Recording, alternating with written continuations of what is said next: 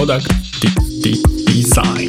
E, witamy serdecznie e, w 103 odcinku podcastu Product Design. E, to znowu my, Paweł, Filip oraz Michał. Cześć chłopaki. Siema. Hej, hej, hej. Dzisiaj, dzisiaj wracamy do, mm, do trochę już zapomnianego cyklu, którego nie było przez pewien czas, ale raz na jakiś czas można na niego wrócić i coś pokminić na tematy stricte designerskie. E, mowa tu oczywiście o niuansach. E, no i dzisiaj będziemy rozmawiać o, mm, o edycji. O edycji danych, o edycji, nie wiem, profilu, edycji czegokolwiek tak naprawdę w aplikacjach. Chcielibyśmy tak w skrócie w sumie podsumować to, jakie mamy mm, przyzwyczajenia i praktyki, jeśli chodzi o projektowanie tego flow. E, ale zanim zaczniemy, e, no to może e, uda mi się zaskoczyć panów tutaj jakimś, nie wiem, może pytaniem. Więc jako, że już za miesiąc mamy WWDC, i w sumie coraz więcej przecieków dostaje się do internetu, to mam do Was pytanie, czy macie jakiekolwiek prognozy odnośnie tego, o czym na WWDC będziemy mówić. E, I jeśli e, wśród waszych prognoz są e, AR-owe, XR-owe, wirtualne okulary, to czy nadal uważacie, że mm, w świetle wszystkich ostatnich, nie wiem, podnieceń, czy można tak to nazwać, AI-em, Apple jednak nie skręci trochę też w tą stronę i, i czymś tutaj nie zaskoczy. Panowie, WWDC 2023. Przemyślenia, prognozy, oczekiwania. Co wy na ja to? Ja bym powiedział tak, że e, Apple chyba nie zaskoczy jajem. Mhm. Raczej bym nie szedł w ten tok myślenia. Zwykle Apple jest całkiem ostrożne w tym, co wypuszcza i nie wypuszcza tylko dla podniety. Mhm. Przynajmniej tak z tego, co zauważyłem. Tak się zawsze działo. Może teraz coś się zmieniło ale jak wypuszczą Series AIM, to nie wiem, jeszcze chyba nie teraz. Jeszcze nie czas na inteligentną Siri. Ja czekam i jestem. E, mam nadzieję, że pojawią się okularki AR-owe. E, Apple od dawna inwestuje w to. Inwestuje w to na głównie na razie na telefonach, tabletach z LiDARem, jakby tworzy ten cały ekosystem i teraz no jakby chyba w końcu nadszedł czas na dobrą implementację sprzętu AR-owego dla konsumenta. I na to trochę czekam i może to taki sprzęt z dobrą infrastrukturą pozwalającą coś z tym zrobić, da, otworzy w ogóle na świat jakby to, te możliwości, wybije ten AR gdzieś, gdzie od dawna już rozmawiamy, że tam powinien być. Mhm. No dobra, Michał? Um, WWDC. Zawsze się śmieję z tego. Eee, Trochę pewnie smutno się zrobiło z tym e, właścicielom Androida, jak chcesz rozmawiać o, o WWDC, które jest za miesiąc, w momencie kiedy za dwa dni jest Google I.O., ale może się to wybaczą, no dobra. A, mam nadzieję, że będą łaskawi. Tak. Y no, trochę jest tak, że z tego co słyszę, e, z tego co czytam, e, z tymi klasami Apple'owymi e, jest tak, że podobno niektórzy uważają, że są niegotowe, ale już są naciski na tyle mocne, że stwierdzili, że je pokażą teraz już. Być może będzie to tak, e, że pokażą tylko jakiś taki proof of concept e, tego wszystkiego, a premierę będzie to miało gdzieś za pół roku albo za ileś tam, ale po prostu pokażą, że już się coś dzieje i żeby się zaczął hype train, e, roz, żeby ruszył. Mm, to, co e, Google, Apple na pewno nie pokaże to nic związanego z AI-em, ale Tim Cook coś tam powiedział, że jest interesting. Ale myślę, że oni nie chcą wchodzić w spółki z żadną firmą, a żeby wejść na taki wysoki poziom, to musieliby spółkować z ChatGPT, który ma 51% ma właści, własności Microsoft i chyba wyłączność, więc chyba to nawet nie da rady. Eee, no szkoda. Eee, że tak wszyscy to zaspali, ale Google ma to samo. W sensie, zobaczcie, Google Bart jest podobno jakąś wielką porażką i ludzie się śmieją z tego w ogóle. Tula i nawet ci ludzie, którzy tam pracują w Google mówią, że, że no, tam jest po prostu wszystkie ręce na pokład.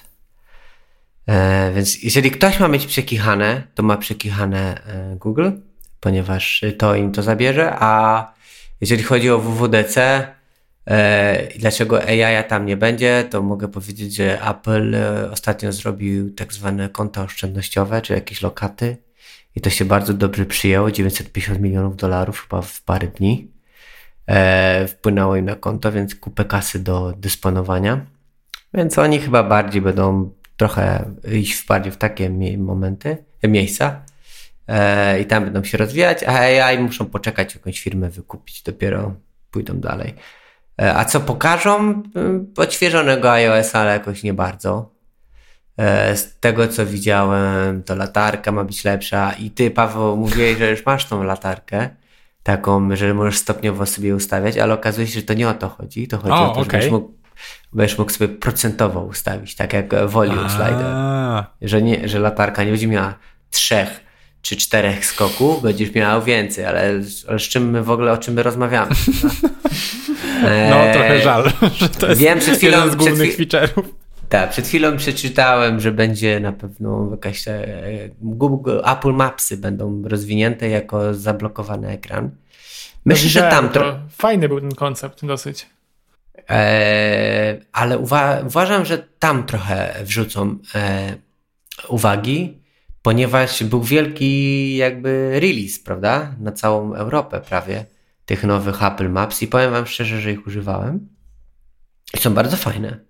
I polecam wszystkim sprawdzić. Mają na przykład jeden feature, którego nie mają inne mapy e, googlowskie, czyli na przykład ile możesz jechać w danym miejscu na godzinę. O.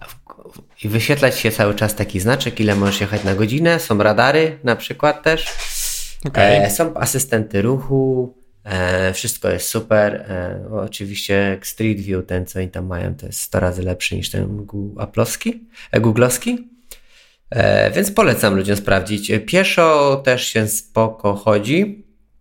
Próbowałem używać AR-u, tego takiego look around, mhm. jak macie w Google. W Google to działa, naprawdę to działa. Jestem pod wrażeniem, a, a w Apple to nie działa na razie. Próbowałem czegoś, czegoś tam użyć i bardzo często nie potrafił odnaleźć się w tym miejscu i prosił o jeszcze raz skanowanie. Trochę mu tam idzie gorzej. I co jeszcze będzie w WDC? No na pewno odświeżony, bardzo dużo mówi się o odświeżonym tym centrum, tym takim, e, jak się ściąga, czyli tam, gdzie macie wszystkie te skróty i tam niby mają widgety być. E, więc z tego co wiem, to tyle. Trochę mi nic, nic nie mówi o, o macOSie, co tam mogą pokazać i szkoda. Na pewno ostatni release macOSa był jeden wielkim failem, bo nie wiem, czy jeszcze pamiętacie o czymś takim jak Stage Manager. E, ja nigdy prostu... nie zacząłem z niego na dobre korzystać, prawda? Ja go raz włączyłem i go wyłączyłem i chwała mi za to i myślę, że to będzie za dwa lata już wyrzucone. E, bo nie mogą od razu wypieprzyć, chyba że to poprawią, naprawią jakoś, albo każą to go używać. E, no, no nas zmuszać. MacBook 15 cali ma być e, i chciałbym nowego Maca Pro, bo to jest jedyny komputer, który jeszcze nie został odświeżony. Prawdopodobnie będzie Mac 2 Ultra, Hypermax tam wrzucony, 5 z 10. I to chyba tyle. No, jest to tam. iPady podobno też słabo się sprzedają ostatnio iPhony się sprzedają ok, ale jest nuda. MacBooki się przestały dobrze sprzedawać, bo między M1 a M2 nie ma za dużej różnicy. Więc y, powiem Wam szczerze, że ten rok dla Apple to będzie ciężki rok. W sensie, jak się nie ogarną dobrze, a jak im jeszcze te okulary nie siądą, to już w ogóle będzie tragedia. Będziemy doświadczać spadków takich tragicznych. E, I tyle, no. No, ja mam Ale... wrażenie, że w ogóle wokół tych okularów e, Apple'owych e, narosła już taka bańka dookoła i oczekiwania są tak wypompowane, że sprostać temu to naprawdę będzie wyzwanie. E, więc ja trzymam kciuki, bo mimo wszystko darzę sympatią tą firmę, ale mam wrażenie, że to jest e, naprawdę szalenie trudne zadanie, żeby, żeby tym oczekiwaniom po prostu sprostać. Ktoś ich używał, tych okularów podobno i mówi, że są super, że masakra i że nie ma takiej jakości jeszcze na rynku. A, a co do hypu, to uważam, że y, spowodowany jest dwoma rzeczami.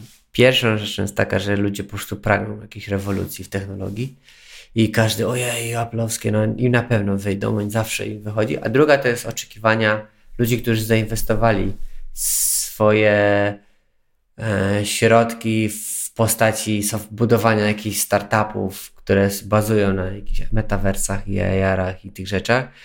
E, no bo to się niedobrze sprzedaje i chcieliby, żeby Apple był tym koniem pociągowym tego wszystkiego, całego tego biznesu, tak jak e, Apple stworzyło App Store, super, e, i apki ruszyły, tak samo Apple ruszył z iPadami, iPady też ten rynek się otworzył, Apple Watch, smartwatche też otworzył segment, segment smartwatchy. E, swoją drogą ostatnio jakiś Garmin wyszedł, jakiś coś tam 12, nie pamiętam, coś, ja, i tak wygląda trochę jak taki klasyczny zegarek, 12,5 tysiąca złotych kosztuje. Więc jednak stworzył dosyć mocny segment też, więc Apple by też, większość ludzi liczy na to, że wiecie, oni też otworzą nowy rynek dla nowych rzeczy, no, zobaczymy. Trochę długo im to idzie, strasznie długo. I może być po prostu przygotowany ten, to, to danie w postaci okularu, za długo się gotuje. No właśnie, właśnie. Ja, ja mam takie wrażenie, że, że to już po prostu bardzo długo trwa. E, no dobra, Michał nam zrobił solidny przegląd wszystkich rzeczy, które mogłyby wyjść na WWDC. E, solidny przegląd prasy musiał być zrobiony wcześniej, więc... E, Cały myśl... czas jestem na bieżąco. Google I.O. Tak. też Pixel Fold wychodzi. Ja liczę na iPhone'a Folda kiedyś. Chciałbym go mieć.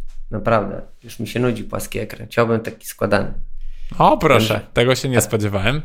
E, no. Znaczy, nie spodziewałem się, że akurat ty będziesz czekał na to urządzenie, ale no. skoro tak, no to, to spoko. No, wiesz, no te, te telefony już są po prostu, co chodzi. Dobra, e. e. to myślę, że e, ten off-top chyba dzisiaj prawdopodobnie zajął nam więcej czasu niż sam odcinek, ale już nieraz daliśmy się sami sobie zaskoczyć, więc może i dzisiaj tak właśnie będzie.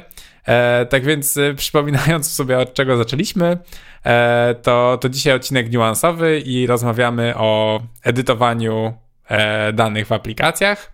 E, no więc może zacznijmy od e, samego początku, czyli czy macie jakieś wskazówki dla naszych słuchaczy, jeśli chodzi o e, umieszczenie e, przycisku Edit, gdzie on z reguły powinien się znajdować e, i czy są jakieś różnice w jego placemencie, e, jeśli chodzi o mobile versus web. E, czy ktoś tutaj czuje zew w sobie? E, ja mogę zacząć mhm. nasze niuanse. Bardzo je lubię, więc mogę zacząć. co? No, edit jest bardzo ja uważam, że edit jest, e, tak ogólnie rzecz biorąc, edycja jest bardzo ważnym elementem w aplikacji i warto o niej pomyśleć, zanim zacznie się projektować niektóre ekrany. E, a propos, e, zaraz powiem dlaczego. Ale gdzie umieszczamy przycisk Edit? Spoko. E, no, z reguły umieszczamy go w prawym rogu, tam gdzie mhm. są z reguły akcje. E, czyli E, jeżeli to jest wielki ekran typu full screen, no to z prawej strony, jak jest do górna nawigacja, to po lewej mamy przyciski nawigacyjne, czyli wstecz i X, ewentualnie cancel, e, a po prawej mamy przyciski akcji na tym danym widoku, kontekst, czyli wyszukiwanie, znaczy szerowanie może być też i tak zwane też edit. E, ja zawsze go umieszczam w prawym, e, z prawej strony. E, jeżeli to jest pełen ekran. Jeżeli to nie jest pełen ekran i to jest karta, nie wiem czy mogę już mówić o tym, no to to też gdzieś tam. I teraz w zależności, czy karta jest, ma detal. Jeżeli nie ma detalu, ten element, no to za trzema kropkami na przykład mogę mhm. wrzucić gdzieś tam edit. Ale to i tak z reguły jest prawy górny róg, nie? Jakby to, to jest chyba To gdzieś klasyk. jest z prawej strony. To zawsze gdzieś jest po prawej stronie, jak przyciski akcji do danego elementu, takie kontekstowe tego tego elementu są zawsze z prawej y, strony. Rzadko kiedy w lewej, praktycznie nigdy albo nigdy. Na dole są mm. sytuacje, uwaga, gdzie się daje w prawym dolnym rogu, ale to są na przykład awatary. Jak masz kółeczko dodawanie zdjęcia i czasami mm. się robi takie kółeczko i ołówek i czasami okay. się daje w prawej dolnym no, rogu. No to kółeczka. faktycznie to jest wyjątkowe. To jest tak, to jest wyjątkowe. No, to Ale można też dać w prawym górnym rogu. Też nie ma problemu, jeżeli do spójności. E, ale to są takie wyjątki, ewentualnie jest też na środku tego, czyli po prostu jest takie przyciemnienie jest edit tam. Z reguły, ale z reguły to jest, na pewno wszędzie to zawsze jest z prawej strony. Mm -hmm. Z reguły mm -hmm. w mhm. prawym górnym rogu, czasami w prawym dolnym, jeżeli chodzi o takie małe elementy jak dodawanie zdjęcia, żeby tam dodać. No dobra, to myślę, że tutaj w sumie nie ma pola do dyskusji. Jesteśmy zgodni, e, prawy górny róg. E, no i teraz e, chciałbym w sumie, e, może nie do końca po kolei według naszych punktów, które sobie to zapisaliśmy, ale wydaje mi się, że to dobrze nawiązuje. E, mianowicie jakby też same sposoby mm, edycji, tak? No powiedzmy, że ja przynajmniej widzę dwie takie najpopularniejsze metody.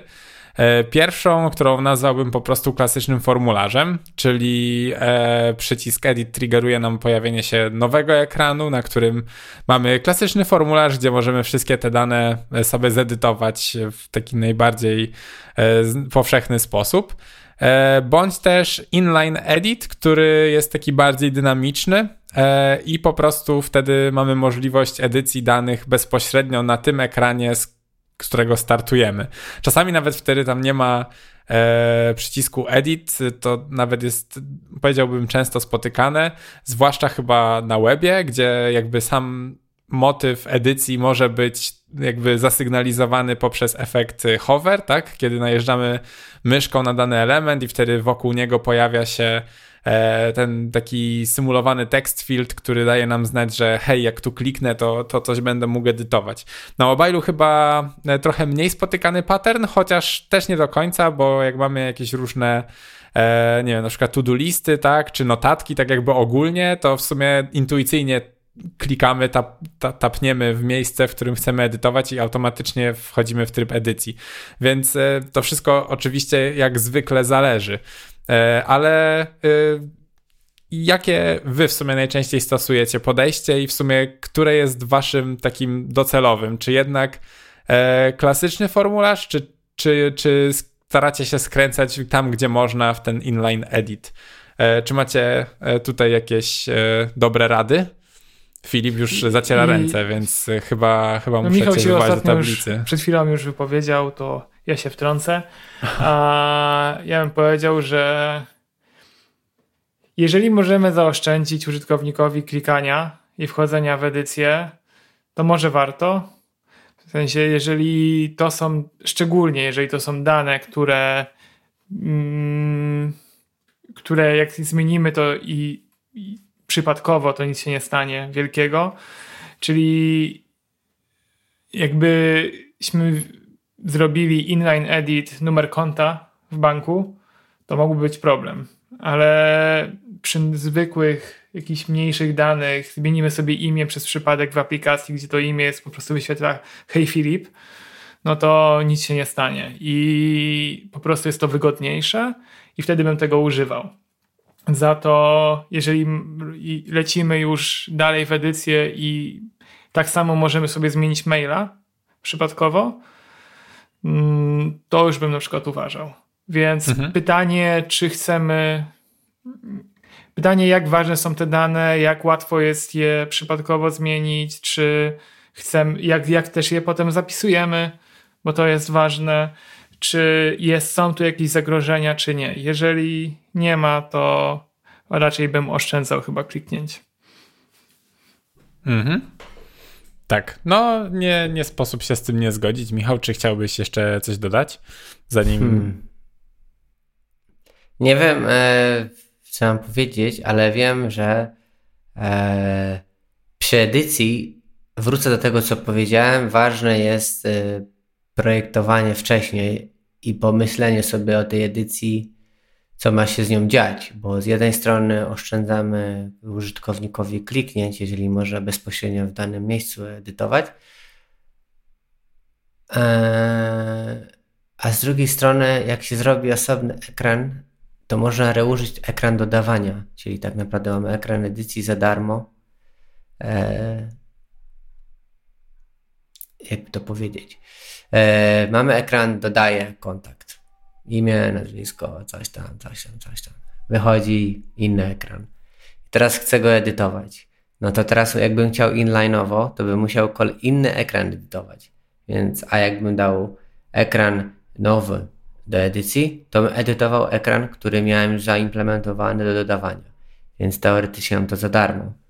Tak, wiesz co, e, ale mi się wydaje, że tutaj w sumie, e, znaczy poruszyłeś dobrą rzecz, e, która moim zdaniem może być dość łatwo rozwiązana, bo wydaje mi się, że jeśli tworzysz właśnie taki content, który e, od razu chciałbyś mieć również takie live preview, tak, jak to będzie wyglądać. Na przykład właśnie dobrym przykładem jest twój profil, czy też, nie wiem, wpis na blogu, tak, który chciałbyś od razu widzieć, jak wygląda. To wiem, że w wielu edytorach jest taka możliwość, że jakby w sumie twój edytor wygląda tak, jak później ten blog będzie wyglądał już w rzeczywistości, chyba na Medium, jeśli dobrze pamiętam, e, by, był na przykład, było na przykład takie rozwiązanie. I wydaje mi się, że to właśnie już sam sposób w sumie dodawania na swój, na jakby trochę też sugeruje, w jaki sposób będziesz to edytował, tak? Czy ten formularz edycji będzie tym osobnym ekranem, który jest klasycznym formularzem, czy jednak po kliknięciu tego przycisku edit od razu będziesz edytował bezpośrednio na tym samym ekranie? Bo to, yy, znaczy trudno by było sobie chyba wyobrazić sytuację, w której mamy ekran dodawania zrobiony klasycznym formularzem, a potem edycja już jest na przykład taka, typ, taka typowo inline'owa, że, że właśnie no jednak trzeba tą pracę wykonać dwa razy, tak? Czyli robisz w sumie ten formularz, no ten inline'owy też, też cały czas formularzem, tak? Tylko trochę takim bardziej ukrytym powiedziałbym, bo jednak nie masz takich klasycznych text fieldów po prostu. Mm, tak, masz rację. Teraz sobie próbuję przypomnieć jakiś przykład, y, gdzie jest z reguły formularz. E, I dlatego o tym mówię. E, Na Twitterze, jak edytujesz profil, to jest formularz.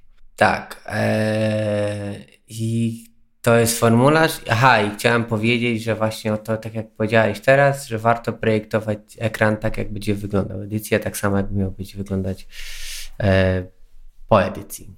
I dzięki temu reużywamy ekranu. Mhm. W sumie można by było powiedzieć, że e, jeśli się zastanawiamy nad tym, czy zrobić inline edit, czy klasyczny formularz, to dobrym wyznacznikiem może być, czy treść, którą tworzymy, czy ten content, który tworzymy, będzie widziany przez kogokolwiek innego niż my sami.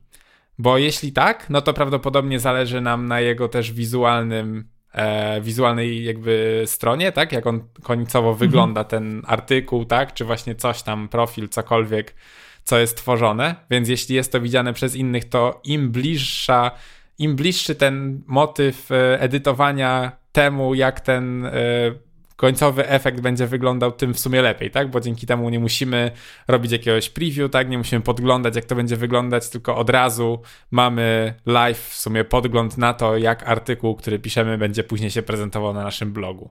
Więc y, chyba jeśli będziecie mieć kiedyś e, taką zagwostkę, to spróbujcie odpowiedzieć na pytanie, czy, czy ten dany formularz, który właśnie staracie się zbudować, jego efekty będą widoczne dla kogoś innego niż sam autor. Jeśli tak, to może warto spróbować zrobić inline edit. E, prawdopodobnie będzie on troszeczkę trudniejszy w implementacji niż klasyczny formularz, ale wtedy na pewno warto to zrobić, bo po prostu e, jest lepszy user experience. E, natomiast jeśli nie, to może zwykły klasyczny formularz z polami do uzupełnienia będzie po prostu totalnie wystarczający. I, I wtedy nie trzeba się tym przejmować. Mhm. E, Tak? Czy tutaj nie, nie. jeszcze coś? Dobra, panowie kręcą głowami, Filip jest średnio zadowolony, ale chyba się zgadza, więc mam wrażenie, że możemy iść dalej. Eee, w sumie krótka rzecz. Eee, chyba już kiedyś rozmawialiśmy o walidacji, ale w kontekście mm, edytowania, czy też w ogóle uzupełniania danych, eee, mam wrażenie, że zawsze jest ten problem, e, który się pojawia podczas e, projektowania, e, czyli kiedy ta walidacja na dobrą sprawę się pojawia. Czy pojawia się od razu w momencie, kiedy uzupełniamy dane pole i na przykład to pole traci fokus i przechodzimy do następnego na liście, czy też dopiero pojawia się w momencie, kiedy spróbujemy wykonać jakąś akcję wysłania danych na serwer, tak? Czyli mamy na przykład jakiś tam e, przycisk save i dopiero wtedy, jeśli dane były błędnie uzupełnione, pojawia nam się mm, pojawia nam się walidacja i informacja o tym, że na przykład, nie wiem, hasło jest za krótkie albo e, ten mail jest nieprawidłowy, tak? I teraz e, kończąc jeszcze to pytanie, e, a raczej wstęp, chciałbym was zapytać, czy Jesteście w stanie w sumie wskazać, bo ja na ten moment nie, ale może wy tak. Czy jesteście w stanie wskazać use cases, gdzie konkretnie walidacja live jest lepsza albo ta triggerowana przez baton. W sumie ta triggerowana przez baton interesuje mnie bardziej. Czyli czy są cases, w których walidacja triggerowana przez baton ma po prostu więcej zalet i by, powinniśmy ją stosować w tym konkretnym przypadku? Okej, okay, ja chyba mam. Okej. Okay, ogólnie no bym powiedział, że nie całkowicie live walidacja, mhm. tylko po odklikaniu jak już. No, no, jak, jak no, pole traci fokus, tak, to mam na tak, myśli, tak, nie? jak tracimy fokus, e, bo to nie jest oczywiste, bo często się spotykam z wpisywaniem maila i już dostaję error, że po wpisaniu dopiero pierwszej części. Bardzo irytujące e, swoją drogą. Więc bardzo irytujące. Robimy to dopiero po odklikaniu. No i idąc tym tropem, E, wydaje mi się, że mail e, i hasło, jak wpisujesz, mhm. to dopiero po naciśnięciu zaloguj jest lepiej dać walidację, ponieważ możesz wyświetlić wiadomość, że jedno albo drugie nie jest poprawne. Jakby nie odnosi się do konkretnego, co w jakiś sposób zwiększa to bezpieczeństwo. A, czy jakieś inne przykłady po naciśnięciu? Hmm to, chyba nie, nie wiem. Mhm. To mi przyszło do głowy. W sumie racja, e, sam form, jakby formularz logowania, e, tak, zdecydowanie tak. On powinien działać po kliknięciu, bo jednak przed to trochę wzbudza kontrowersje. E, zdecydowanie tak. Um, Okej, okay, dobra. E, no to w sumie e, przedostatnia rzecz w kontekście e, edytowania czy też ogólnie uzupełniania danych e, w formularzach. E, zapisywanie tych zmian. Mm, jakie macie najczęściej podejście? Czy zapisywanie zmian odbywa się poprzez kliknięcie przycisku Save, czy też odbywa się z automatu e, samoczynnie, kiedy uzupełniamy te dane i na przykład e, nie musimy już nic robić, tylko wystarczy wpisać co chcemy i wszystko poszło, jest zapisane. Ja bym dał save Mhm. Eee, z prostego powodu, bo upewniasz się, że coś zapisałeś i masz takie, o kurde, dobra, zapisałem, taka kropka na D. Eee, a można zawsze, jak przypuśćmy, wpisujesz sobie coś, nie kliknąłeś save i mówisz, dobra, wychodzę, dajesz wstecz i możesz zawsze wyświetlić ten dialog. Hej, ziom, e, zrobiłeś tam zmiany, czy chcesz je porzucić i wrócić, czy chcesz je zapisać i wyjść. No i dajesz, save, nie wiem, save and quit, cancel save i go back, nie wiem co tam. Więc jakby masz dwa w jednym załatwione. E, I to jest dla mnie najlepsze rozwiązanie. Ale wyobrażam sobie sytuację, bardzo dużo ilości aplikacji tak jest, że tego save'a nie ma. Na przykład w edytorach tekstu typu Notion, Craft, tam pewnie jak wpiszesz jakiś tekst i dasz wstecz, no to masz wszystko zapisane. Ale tam jest undo, więc może zawsze się cofnąć do zmiany, więc to jest inna zmiana. Więc to zależy, ale z reguły bym dawał save. Standardowo. Pytanie właśnie, ja może nie to, że się nie zgadzam, ale powiedziałbym, że jeżeli w zależności od następstwa naszego zapis, zapis tego, co się stanie, jak zapiszemy daną rzecz, to chciałbym, żeby niektóre rzeczy były na przykład intencjonalne, żeby użytkownik konkretnie miał tą intencję zapisania i puszczenia na przykład czegoś, albo zapisania jakichś tam danych, żeby zrobił to konkretnie, dodawanie rzeczy do CMS-a, puszczanie rzeczy właśnie na, na stronę internetową, dodawanie nowej pozycji w CRM-ie i tak dalej. To są takie akcje, które jakby też trochę zapisujemy i publikujemy. E, często dla wygody użytkownika, tak jak Michał wspomniałeś, Notion, jakby to save tylko by utrudniało życie. Mm, czy w Figmie jakbyś co chwilę musiał klikać Command S. E, I oba podejścia według mnie są walidne. Pytanie, czy mogą być jakieś negatywne następstwa tego, że przez przypadek samo się zapisze? Mhm. Albo po prostu, że się samo zapisze. I czy chcemy, żeby to zapisanie było intencjonalne? Więc to jest takie trochę otwarte pytanie. No, to prawda. Tutaj e, faktycznie ciężko wskazać e, taką jednoznaczną odpowiedź. Jednak ten przycisk save faktycznie wydaje mi się, że buduje w ludziach takie poczucie bezpieczeństwa. Na zasadzie kliknąłem przycisk save, dostałem success screen, który mi mówi, że zmiany zapisano i jakoś czuję się z tym 10 razy lepiej ale y, to. Wiesz co? Kłóciłbym się, zależy do dla kogo projektujemy jeszcze, czy dla starszych, czy dla młodszych. Tak. Bo pamiętam, jak było duże narzędzi się zaczynało robić webowych, to no właśnie do tego wszystko miały opcję Command S albo tak. Save e, i tylko wyświetlały spoko, zrobiliśmy double save, ale jakby co to się zapisuje samo, nie? Tak, tak, właśnie do tego chciałem nawiązać, kiedy y, właśnie był duży switch na Figmę i wszyscy designerzy byli przyzwyczajeni do ciągłego gdzieś tam e, Command S wciskania w trakcie pracy. E, I, I, pamiętam, że na początku to ja ten, e, ten taki toast, czy tam po prostu to informacja o tym, że zmiany zapisują się w Figmie automatycznie widziałem bardzo często, bo ja po prostu miałem już taki nawyk, tak, który e, polegał na tym, że Command S wciskam co 15 minut, tak, i jakby od tego przez dłuższy czas nie mogłem się odzwyczaić, ale dzisiaj już y, zupełnie nawet o tym nie myślę, tak? I zapisywanie w ogóle jakby takich rzeczy właśnie podczas projektowania jest czymś, o czym, o czym nie myślę, tak? I nawet nie zakładam, że, że muszę to robić. Tak jak właśnie chociażby Michał też chyba wspominał o Notion, tak? To jest y, ten sam case, czy różnego rodzaju Google Doki, tak? To też wszystko dzieje się bez naszej, bez naszej wiedzy i, i gdzieś tam się zapisuje automatycznie. Trudno nawet powiedzieć czasami kiedy. E, więc e, ewidentnie idziemy w stronę autosave'a, tylko nie wszyscy są jeszcze na to gotowi, tak? Więc Filip też słusznie zauważył e, kwestia grupy docelowej, dla której tworzymy produkt, też ma bardzo dużo do powiedzenia. Więc podejrzewam, że jednak im starsza grupa docelowa, tym więcej success screenów i przycisków do zapisywania. Im młodsza, tym bardziej możemy poszaleć i, i trochę popróbować. E, no dobra, to ostatnia rzecz, jaką chciałem jeszcze poruszyć w kontekście edycji, chociaż tak naprawdę to raczej taki jakby kontrpattern, bo chodzi o usuwanie.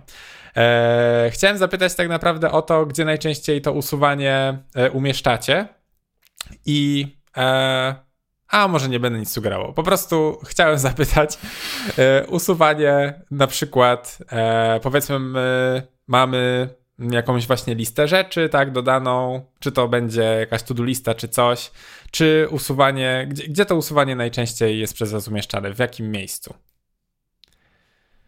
Eee, jeżeli jest edycja, mhm. no to mm, hmm. eee, na dole przypinam przycisk usuń albo gdzieś w górnym prawym rogu, jeżeli już jestem w trybie edycji usuń.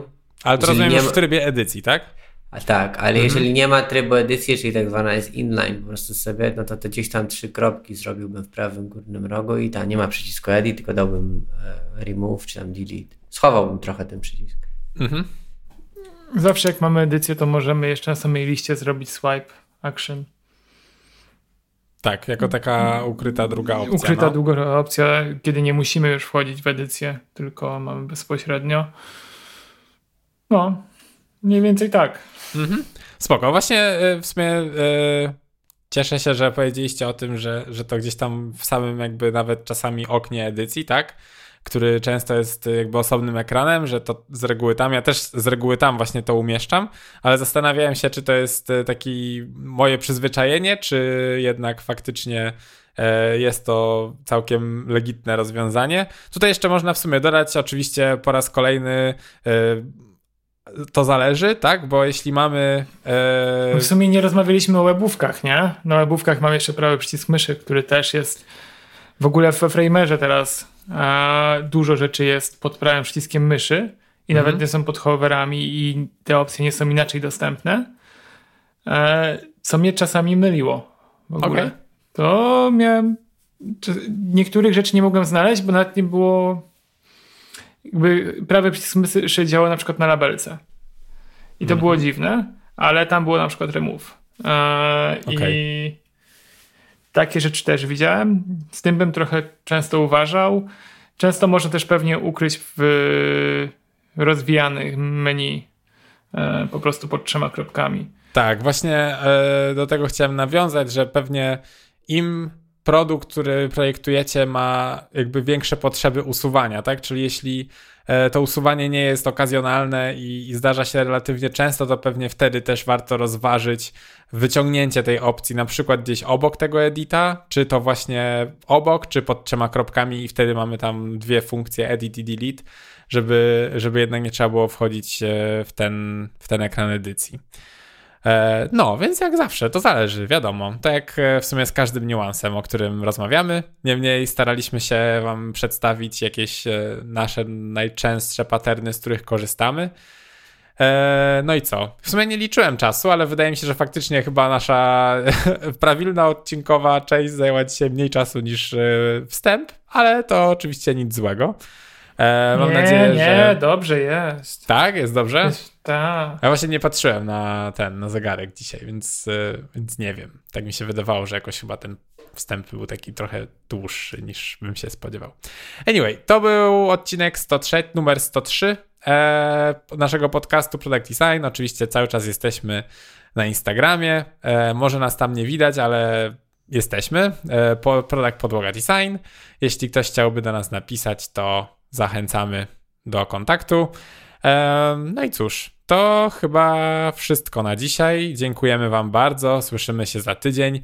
E, Michał już dzisiaj nam zapowiadał na naszym kanale komunikacyjnym, że e, Google I.O. za dwa dni od dziś. Nie wiem, kiedy słuchacie, w każdym razie e, dla nas za dwa dni, więc za tydzień pewnie porozmawiamy właśnie o tym, co Google ogłosił podczas tej konferencji.